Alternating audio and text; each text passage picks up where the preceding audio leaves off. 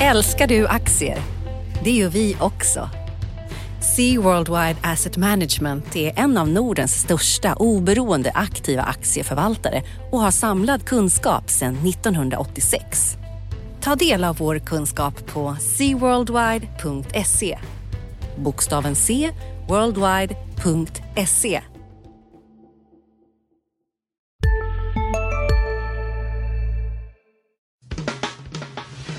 Analyspodden från Dagens Industri. Hej allihopa! Välkomna till Analyspodden, Dagens Industris podd där vi går igenom de viktigaste händelserna på börsen och finansmarknaden. Och eftersom det är årets sista podd så kommer vi att blicka lite mer tillbaka på hela året och vi kommer att blicka lite fram på 2017. Och den här dagen är det jag, Martin Blomgren, bakom en av spakarna och bredvid mig har jag Anders Hägerstrand. Välkommen Anders. Det var länge sedan vi poddade ihop. Ja, det var länge sedan. Somras kanske? Aha, känns det bra? Ja, känns absolut att sitta och prata med dig. Det är ju ett rent nöje. Inte nervöst? Nej, nej, nej. Jag, jo, jag är nervös för att jag ska säga för mycket tokigheter, men, men eh, man måste ligga på gränsen hela tiden. Ja, det är bra. Eh, det här är ju mellandagarna och det har inte hänt speciellt mycket på börsen. Eh, ovanligt lite faktiskt. Jag tycker det brukar komma lite mer fastighetsaffärer och sådär som ska vara i hamn innan året är slut. Men när vi sitter här så är det torsdag lunch så det finns ju fortfarande några timmar att eh, signa kontrakt på. Kvar. Exakt, och hela fredagen är ju börsdag också. Men det som inte har hänt men som vi eh, har fått indikationer på skulle kunna hända som vi skriver om i dagens tidning. Vad är det? Ja, det var ju det här eh, att, att Atlas vill sälja Dynapac, det anrika svenska vägvältsbolaget då, eh, som de köpte av Altor 2007 för 6-7 miljarder kronor. Precis. Och det är ju inte blivit så bra som det kanske man önskade det skulle bli när Atlas tänkte då Gunnar Brock när han köpte det. Och eh, nu enligt våra källor då så vill Ronny Leten sälja det. Och det känns ju ganska naturligt, eller hur Martin, att de skulle sälja det? Ja, men jag tycker det. Om man, om man ska välja någonting och nu har eh, Atlas valt ganska tydligt att satsa på vakuumområdet som är ett nytt tillväxtben. Eh, som var en del av kompressorteknik som från och med årsskiftet blir ett eget affärsområde. Och att välja är att välja bort också. Och Eh, det här har inte blivit så bra som de hoppades. Dels är det ju tajmingen. De köpte det här precis innan eh, finanskrisen och hela liksom, bostadsbyggandet och infrastrukturbyggandet gick ner både i USA och eh, till viss del i Asien och det har inte aldrig riktigt hämtat sig till den nivån som man, de säkert hoppades när de köpte det och sen en del interna problem och eh, tittar man på Atlas idag då, fyra affärsområden som blir fem vid årsskiftet så så sticker ju det här bygg och anläggning ut ganska tydligt på den negativa sidan. De har eh, lägre marginaler, lägre avkastning på kapitalet. Eh, det är en ganska liten del i förhållande till hela koncernen och Dynapac är dessutom då en, en liten, inte en liten, men det är inte, det är inte ens majoriteten av det här affärsområdet. Så att det, det är ju inget uh... Ja, men affärsområdets hela framtid kommer ju att sättas lite på spel. För det är ändå, vad omsätter det affärsområdet? 15 miljarder var ungefär om man inte kommer ja, ihåg fel. Och de här, vi får väl räkna med att Dynapac ligger på en 4-5 åtminstone i ja, omsättning.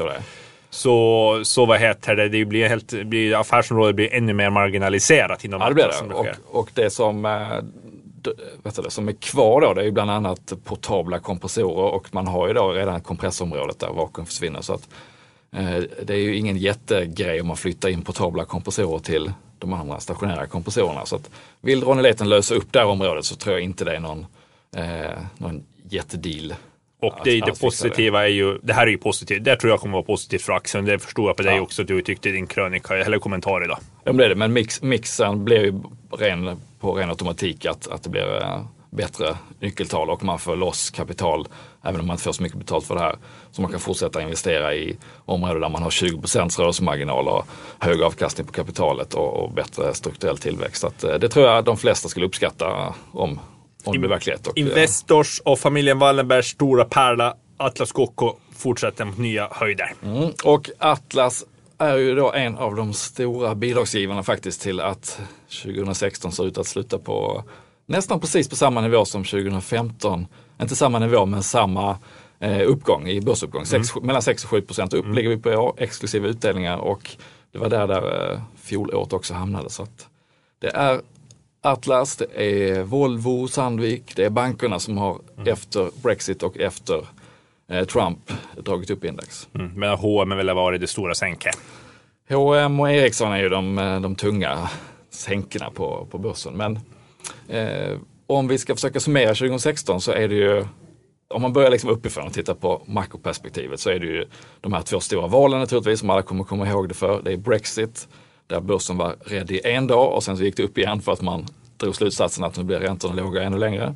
Och sen så var det ju USA-valet där Trump vann och då var man rädd i två, tre timmar innan man vände och tog fasta på att det är infrastruktursatsningar, det är lägre skatter, det är tillväxt på väg. Mm. Så kan man väl summera liksom huvudgrejen. Men sen i, i bolagsväg så har det hänt massor. Vad, vad skulle du säga är de uh, händelserna som du kommer minnas bland det, ju, det, finns ju så många, men det är ju, jag tycker ändå jag gjorde, försökte tänka en liten ranking. Alltså det börjar ju året med Swedbank. Eh, Michael Wolf eh, fick sparken eh, till följd av Martin, vår kollega Martin Rex fantastiska avslöjanden om, om de där fastighetsaffärerna med bankens egna kunder som koncernledningen hade gjort. Och sen fick Sundström sparken. Anders Sundström fick sluta som ordförande för Swedbank. Liksom. Och det, ja, det, var, det var ju det är en enorm händelse mm. i liksom en, en, så viktig institution som en storbanken är i Sverige. Så det var ju en grej. Det är ju, sen det är lugnat ner sig lite efter det. Sen, men sen kom ju nästa grej, det är Ericsson. Mm. Och det där som börjar med liksom de här galna bonusarna som Hans Westberg fick trots att Eriksson var på väg käpprätt åt pipsvängen. Då borde man, såg man ju redan då när han, de betalade ut till styrelsen om man hade lite insikt. Eh, och det slutade med, det blev bara värre och värre under våren där det slutade med att man fick sparken precis när jag hade gått på semester. Så man fick åka in till stan. Ja, det, var, det, var inte, det, var aldrig roligt att någon får sparken, men det var ju bra för ägarna tror jag att det blev en nystart. Sen blev ju kanske den där nystarten, kan man ju debattera länge om den är bra eller inte, mm. när Börje Ekholm blev utsedd till vd här i år. Ja, men det skulle jag nog säga är kanske årets skräll för oss som bevakar börsen. Att uh, alla gick och väntade på vem ska bli ny Ericsson-vd. Det tog lång tid och det var ju helt uppenbart att det inne i bolaget, inte, det är ju inte sunt i något bolag när man inte vet vilken riktning man är på väg. Man har ingen vd och det är en, en snabbrörlig teknikbransch där man vill veta vilka hästar är det som vi ska satsa på och vilka är det som inte kommer att eh, satsas på framöver. Och, eh, efter lång, långt betänketid då så, så hittade man Börje inom de egna leden. Och Börje Ekholm hade ju då slutat på Investor eh, och ganska tydligt signalerat att han hade inte haft semester på länge. Nu var det en ny era, han var inte operativ vd längre. Han skulle sköta Investors onoterade eh, investeringar från USA. Så att eh, att han redan från början skulle väl liksom vara ett av de första alternativen. Det finns ju inte. Men eh, däremot så är inte, inte, med det sagt så är, är det ju ett väldigt spännande utnämning för att nu har Investor sin egen man på plats och eh, det tycker jag tydligt signalerar att det här kommer inte vara business as usual under 2017 utan man kommer att titta över strukturen ganska ordentligt och eh, han tillträder väl först två veckor in på det nya året. Så att, uh...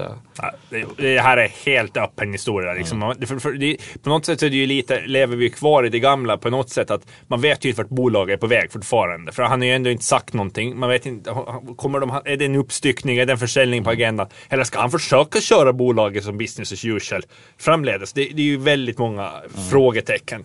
Eh, jag har sagt vad jag tycker om den där utnämningen många gånger och, och eh, men nu är det ju bara att eh, för Sveriges och för Ericsson skulle, och den betydelse Ericsson för Sverige, hoppas att Börje Ekholm lyckas med det här. Det är bara att hålla alla tummar inför 2017. Det är det kanske den, den största frågan inför 2017. Vad händer med Ericsson med nya mm. vd? Ja, det blir otroligt spännande.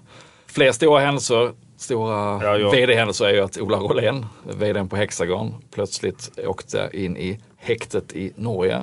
Eh, kopplat då till en påstådd insiderhandel i eh, norska biometribolaget Next förra hösten. Och det är många märkliga turer men eh, domstolsväsendet ska ju ha sin gång innan vi vet vad som, vad som var rätt eller fel. Men det påverkade ju Hexagon-aktien ganska tydligt och det kom ju i ett skede där eh, ordföranden eh, Melker Schörling då, ganska kort inpå hade flaggat för att han trappar ner på grund av sviktande Veck, hälsa. En vecka innan, det var två måndagar på rad. Det var ju liksom så rysare över allt det där som hände då i, i oktober, eller vi pratar om. Eh, och det är ju Schörling featuring Rolén som är Hexagon. Det är mm. de som har byggt upp det från ett eh, obetydligt konglomerat till ett världsledande teknikföretag med mer mjukvara än hårdvara och som har fått upp marginaler och fått upp börskurs och blivit eh, den, en av de absolut största börsstjärnorna de sista 25-30 åren i, i, Stockholm. Så att om båda de två inte är med i matchen längre så är det, så är det ju naturligt att man blir ganska rädd som, som Hexagon-ägare. Mm. Så det är också en, någonting vi tar med oss in i 2017 för det här är ju inte avgjort. Eh, det kanske blåser över friande dom och eh, Rolén fortsätter och går vidare på de här eh, nya tillväxt och marginalmålen som de la upp på kapitalmarknadsdagen som vi var strax efter, efter det här häktandet. Eh, så det är också ett nytt kapitel att skriva nästa år. Jättestor sak. Eh, alltså det här att Melker slutar som ordförande i alla bolag. Ola, som är viktigt, vid det största Melkerbolaget och Hexagon man, det finns en överhängande risk för att hans tid snart är slut, för att han kommer att bli fälld. Alltså det är risken, det kan man säga. Så det, det, om, om Ericsson är en jättestor viktig fråga inför 2017 så är det här, vad händer med curlingsfären? Och då är ju Ola Roléns framtid en viktig pusselbit. Antagligen den näst största frågan tycker jag. Och om vi ändå är inne på biometri så är ju Fingerprint svårt att komma ifrån. De kom in i OMX30 i eh, 40 år sedan ungefär och de, de eh, har ju massor med små, ska vi kalla dem engagerade aktieägare och som har eh, tappat nästan halva värdet i år då för att eh, framförallt på slutet här då när de tvingades vinstvarna inför fjärde kvartalet där eh, om man räknar bakvägen då så hur, hur Q4 skulle bli så stämde det inte alls överens med hur, hur det hade utvecklats fram till kapitalmarknadsdagen i början på december. Eh, eh, och det, vi har storägaren Johan Karlström som ständigt är eh, aktuell på olika sätt. Så där är ju väldigt många bollar i luften som vi får se hur de landar också. Ja, om man får tippa så blir det ganska tunga, det kommer att smälla ganska hårt när det landar. Alltså Fingerprint är som du sa, den sämsta aktien, storbolagsaktien OMXS 30 år och Ericsson är näst sämst. Mm. Det, och det känns som att den där, det är för mycket, det är för mycket konstigheter och för dålig transparens kring så mycket kring det där bolaget. Så det känns, det känns, magkänslan är så dålig. Mm. Och sen så är det ju med alla konsumentteknikprodukter eller produkter relaterade till det att, att det är otroligt sällan som någon lyckas hålla en hög marknadsandel, höga marginaler länge.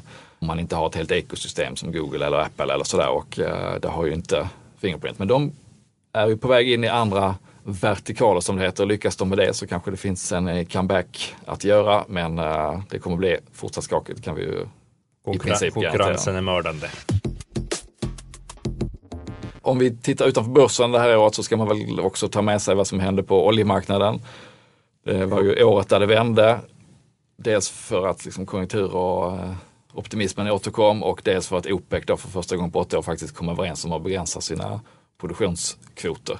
Får vi se hur länge det håller för att de som skrattar mest är ju de amerikanska skifferproducenterna som får högre priser och kan eh, starta igång sina riggar igen som de har lagt i malpåse. Det vände egentligen redan i somras att antalet riggar då började, som, som är aktiva började vända upp från, från en liten krok i botten och sen vecka efter vecka så har de eh, slagit på fler riggar. Så att... Jag säger så här, eh, det är ju inte bara, det är inte bara oljepriser som har vänt upp. Eftersom särskilt efter Trump vann valet och de här infrastrukturförhoppningarna så vände ju alla råvarupriser mm. upp också med alltså, metallpriserna upp med besked. Och stålpriserna har fått eh, stöd av eh, mera, mera tullar och, och mera handelshinder som har skyddat mot importen av kinesiskt stål både till Europa och, och USA. Eh, därför är ju SSAB årets stora vinnare eh, med en uppgång på över 106 procent nu year to date. Mm. SSAB, vändningen kom för SSAB kom ju vid den här nyemissionen då, när de fick in kapital. Eh, som det var liksom då blev balansräkningsfrågan en mindre issue och då samtidigt marknaden började förbättras så det är kanon. Näst bästa aktie är ju en annan Det är tre råvaruaktier som, som ligger i topp i år på OMXS30. Det är SSAB, Boliden som lever i en drömvärld just nu med, med zinkpris och kopparpris som stiger och en stark dollar. Det är liksom. Och Boliden, eh, ju, om man jämför där, SSAB. Nu släpper vi en ny podd. Expressen Dock. Einar han går in i fel gård, förstår du? Och sen där en annan skytt jag tror kommer emot honom och, och fortsätter skjuta. Lyssna på premiäravsnittet Mordet på Einar, det sista vittnet. Med mig, krimreporter Nina Svanberg. Hon började skrika på mig. Backa hon började säga. Så vad, vad hände? Så hon bara, han är död. Så jag bara, vad säger du för något? Så hon började skrika, han är död. Så jag sköt honom nu en meter. Lyssna i appen eller där poddar finns. Sista dagarna nu på vårens stora season sale. Passa på att göra sommarfint hemma, både inne och ute. Och fynda till fantastiska priser. Måndagen den 6 maj avslutar vi med Kvällsöppet i 21. Välkommen till Mio. Hävdar jag att där ska man vara väldigt försiktig för SSAB har strukturella problem i grunden med, ja, men det behövs stora investeringar i till exempel i Oxelösund på sikt här för, för, för nya.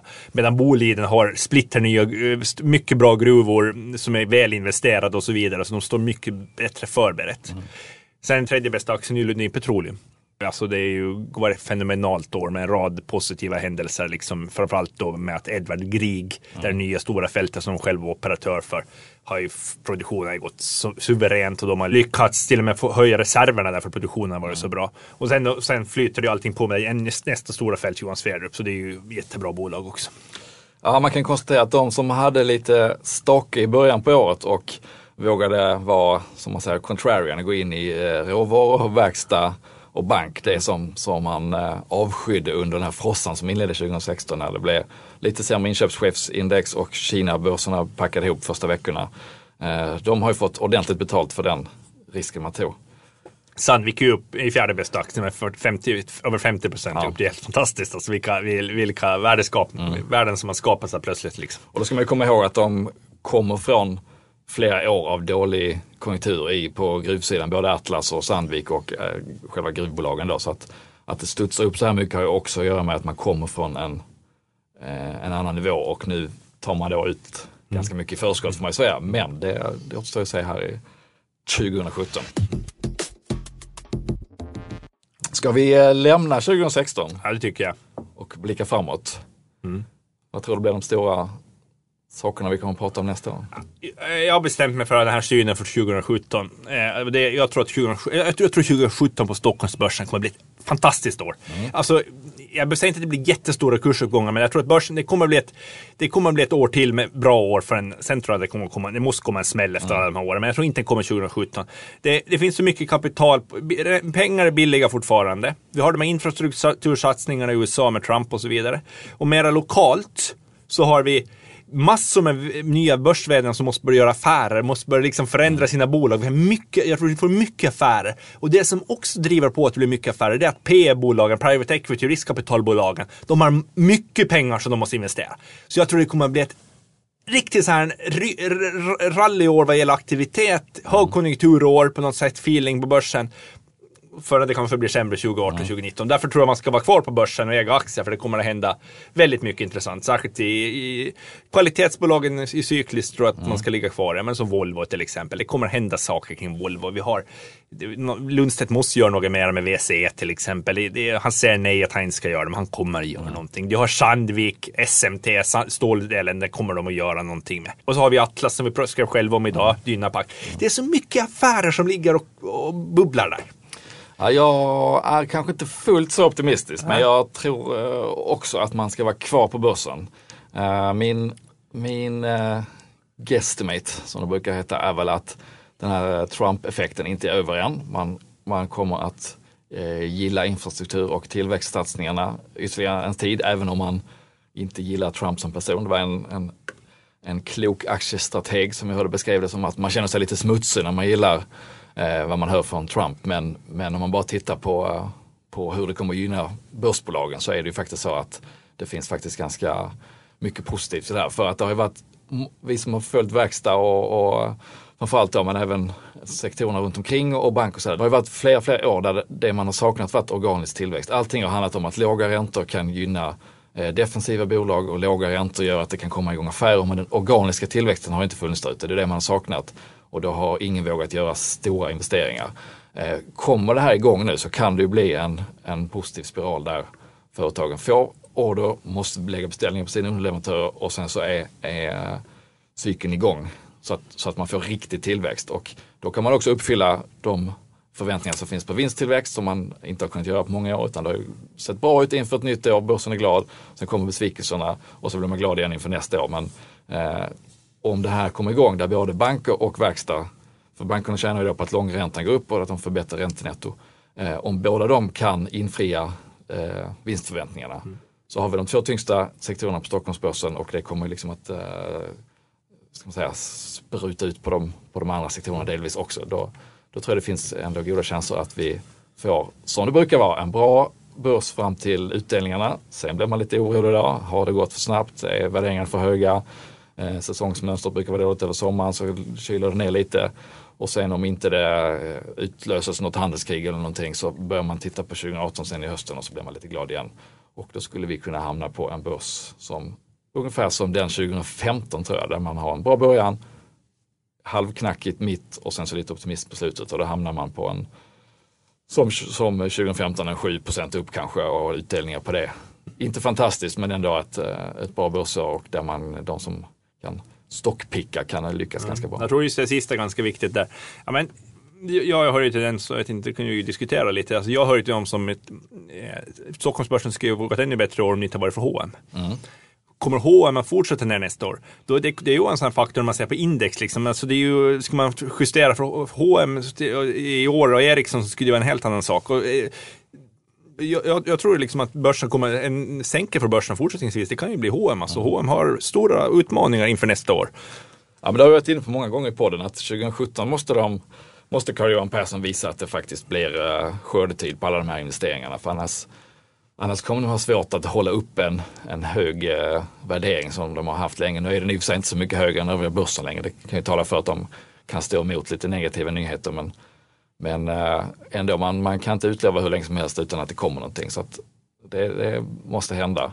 Det som skulle tala emot då verkstad och, och kanske även bankoptimismen som vi var inne på här, det är ju att värderingarna är ju redan ganska höga. Man har ju tagit ut ganska mycket redan. Det är ju inte några P-tal på 10 som kan göra en stor multipel Nej, nej, det är inte utan... men samtidigt finns det mycket att göra i bolagen också. Jag sa jag har ju mina favoriter liksom, eh, som jag, liksom, jag fortsätter köra. Liksom. Eh, Volvo, där har du, har du med, har du med VCE, struktur, mm. eh, många marknader, den P15 är ganska högt. Många, många marknader är väldigt dåliga fortfarande. USA-marknaden kan lyfta, eh, du har hela Sydamerika-marknaden som kan lyfta. Det finns mycket uppsida där mm. i, i, vinsten. En annan favorit som jag har det är Autoliv. Eh, P16, 17 också är väldigt högt, men där har det hela effekten av Takata. Det syns inte resultatet. Det kommer knappt att synas 2017 resultatet. Det kommer 2018, för det är liksom två år efter man får order. Ordern de fick 2000 Eh, i år, början på det här året, de kommer in 2016 på allvar. Liksom. Det var ju då det började hända. Så, så det är inte heller, liksom, där är också grejer, strukturer, affärsmöjligheter som köper delar av Takata. Jätteintressanta saker som kan lyfta bolagets vinster till en helt ny nivå. Och Trelleborg som en annan favorit, de är också ganska högt värderade, men det mal på. De har, Sänka har ju varit där, jordbruksdäcken som mm, de köpt in sig stort i.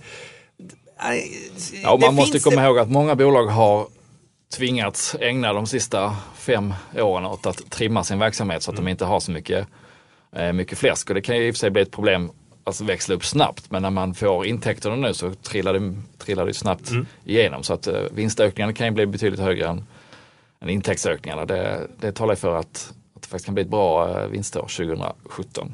Men, eh, det där, jag, tycker, jag tycker att man får säga, det är intressant, ta med sig från det där diskussionen kring, man vill säga, tro på verkstad eh, och sådana saker, min, inte kanske mindre på H&M. Det är att, alltså, jag brukar själva tänka själv att det är lätt att investera i de här indexfonder och sånt där som, eh, som går efter index, men det inte, behöver inte vara så bra idé på Stockholmsbörsen om man tror, om man är skeptisk till H&M, för då, då kommer man förlora. Mm. Då är stockpicking mycket bättre. Ska vi göra några mer utfästelser för 2017 tycker du?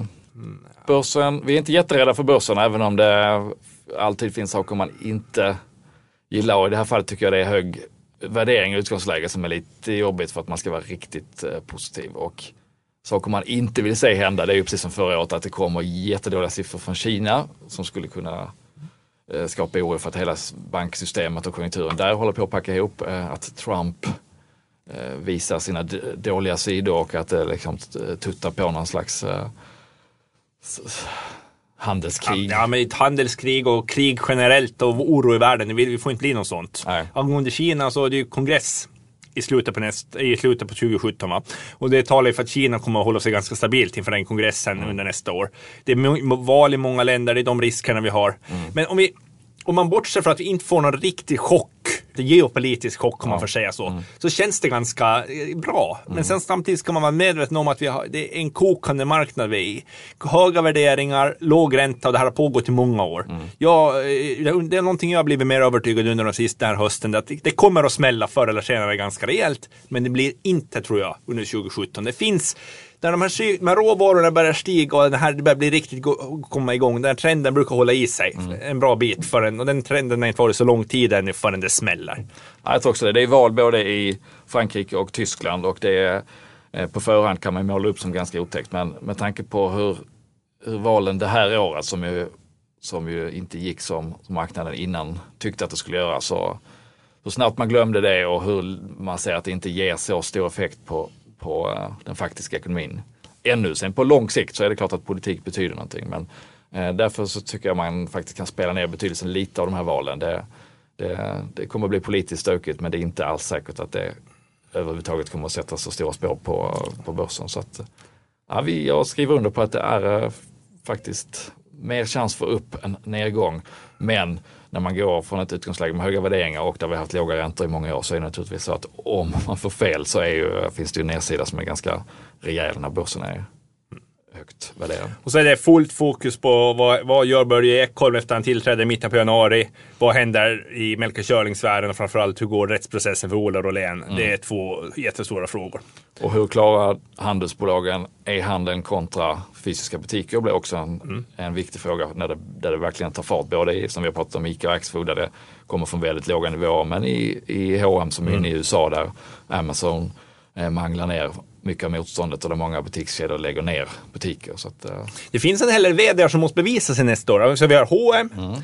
Eh, SKF tycker jag är en sån, mm. där, liksom, där är paret Alrik Danielsson, nya vdn och, och Leif Östling som varit styrelseordförande ända sedan 2006. Mm. Nu, måste de, särskilt, nu måste de verkligen börja leverera i år. Sen har vi, har vi flera andra nya vd. Vi har Getinge som måste ta revansch nu. Där nya vd som jag inte kan namnet på på rak arm. Men det, det behöver man känna för. Eh, och så har vi ja, banken också. Där är nya vd. Och Koskul är fortfarande ganska färsk. Handelsbanken fick en ny vd. Och har vi Kinnevik, vem, vad händer med Kinnevik? Jätteanrika investmentbolag. Kanske börjar minska betydelse man ser till börsen som helhet. Men det finns ändå så många bolag som är kopplade till det. Ja, det, är ju ja, det har varit otroligt många vd-byten det här året. Och, ja, det är inte omöjligt att uh, vi får se en hel del till nästa år. Det börjar bli, få, det börjar bli lätträknande. Jag tänker man går och funderar på hur länge Ronny ska fortsätta mm. på Atlas till exempel. Det är en sån fråga som är intressant. Peter Nilsson vi spekulerar om i sju, åtta år att han ska sluta på Trelle. Ja, och sen har vi Johan Dennelid och hur han lyckas mm. med Telia. Och Johan Bolin har varit länge på Assa och framgångsrik. Mm. Ordförande i Sandvik så han har ju att göra om han vill. Skulle han vilja ta fler ordförandeuppdrag så är, är han ju naturligtvis alla, väldigt högt på mångas ja, listor. Ja, han finns garanterat på mångas listor. Han kommer, det är ju spekulerat om att han ska kunna ta över efter Leif Johansson kommer med allra största sannolikhet att bli omvald som, eh, trots allt som Ericssons ordförande i vår. Mm. Men att, han, att Johan Molin skulle vara den som kan ta över 2018. Det är så mycket med Ericsson. Vad händer i ägarlistan? Kommer Lundberg och industrivärlden vara kvar? Ja, eller kommer bolaget vara kvar? Ni hör själv, det finns saker att skriva om och prata om 2017. Så att vi önskar gott nytt år och vi ses på andra sidan. Det gör vi. Tack för det här året. Analyspodden från Dagens Industri. Podden redigerades av Umami Produktion. Ansvarig utgivare Lotta Edling.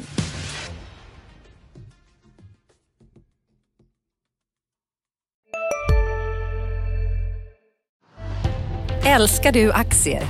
Det gör vi också. Sea Worldwide Asset Management är en av Nordens största oberoende aktiva aktieförvaltare och har samlad kunskap sedan 1986. Ta del av vår kunskap på seaworldwide.se. Bokstaven C, worldwide.se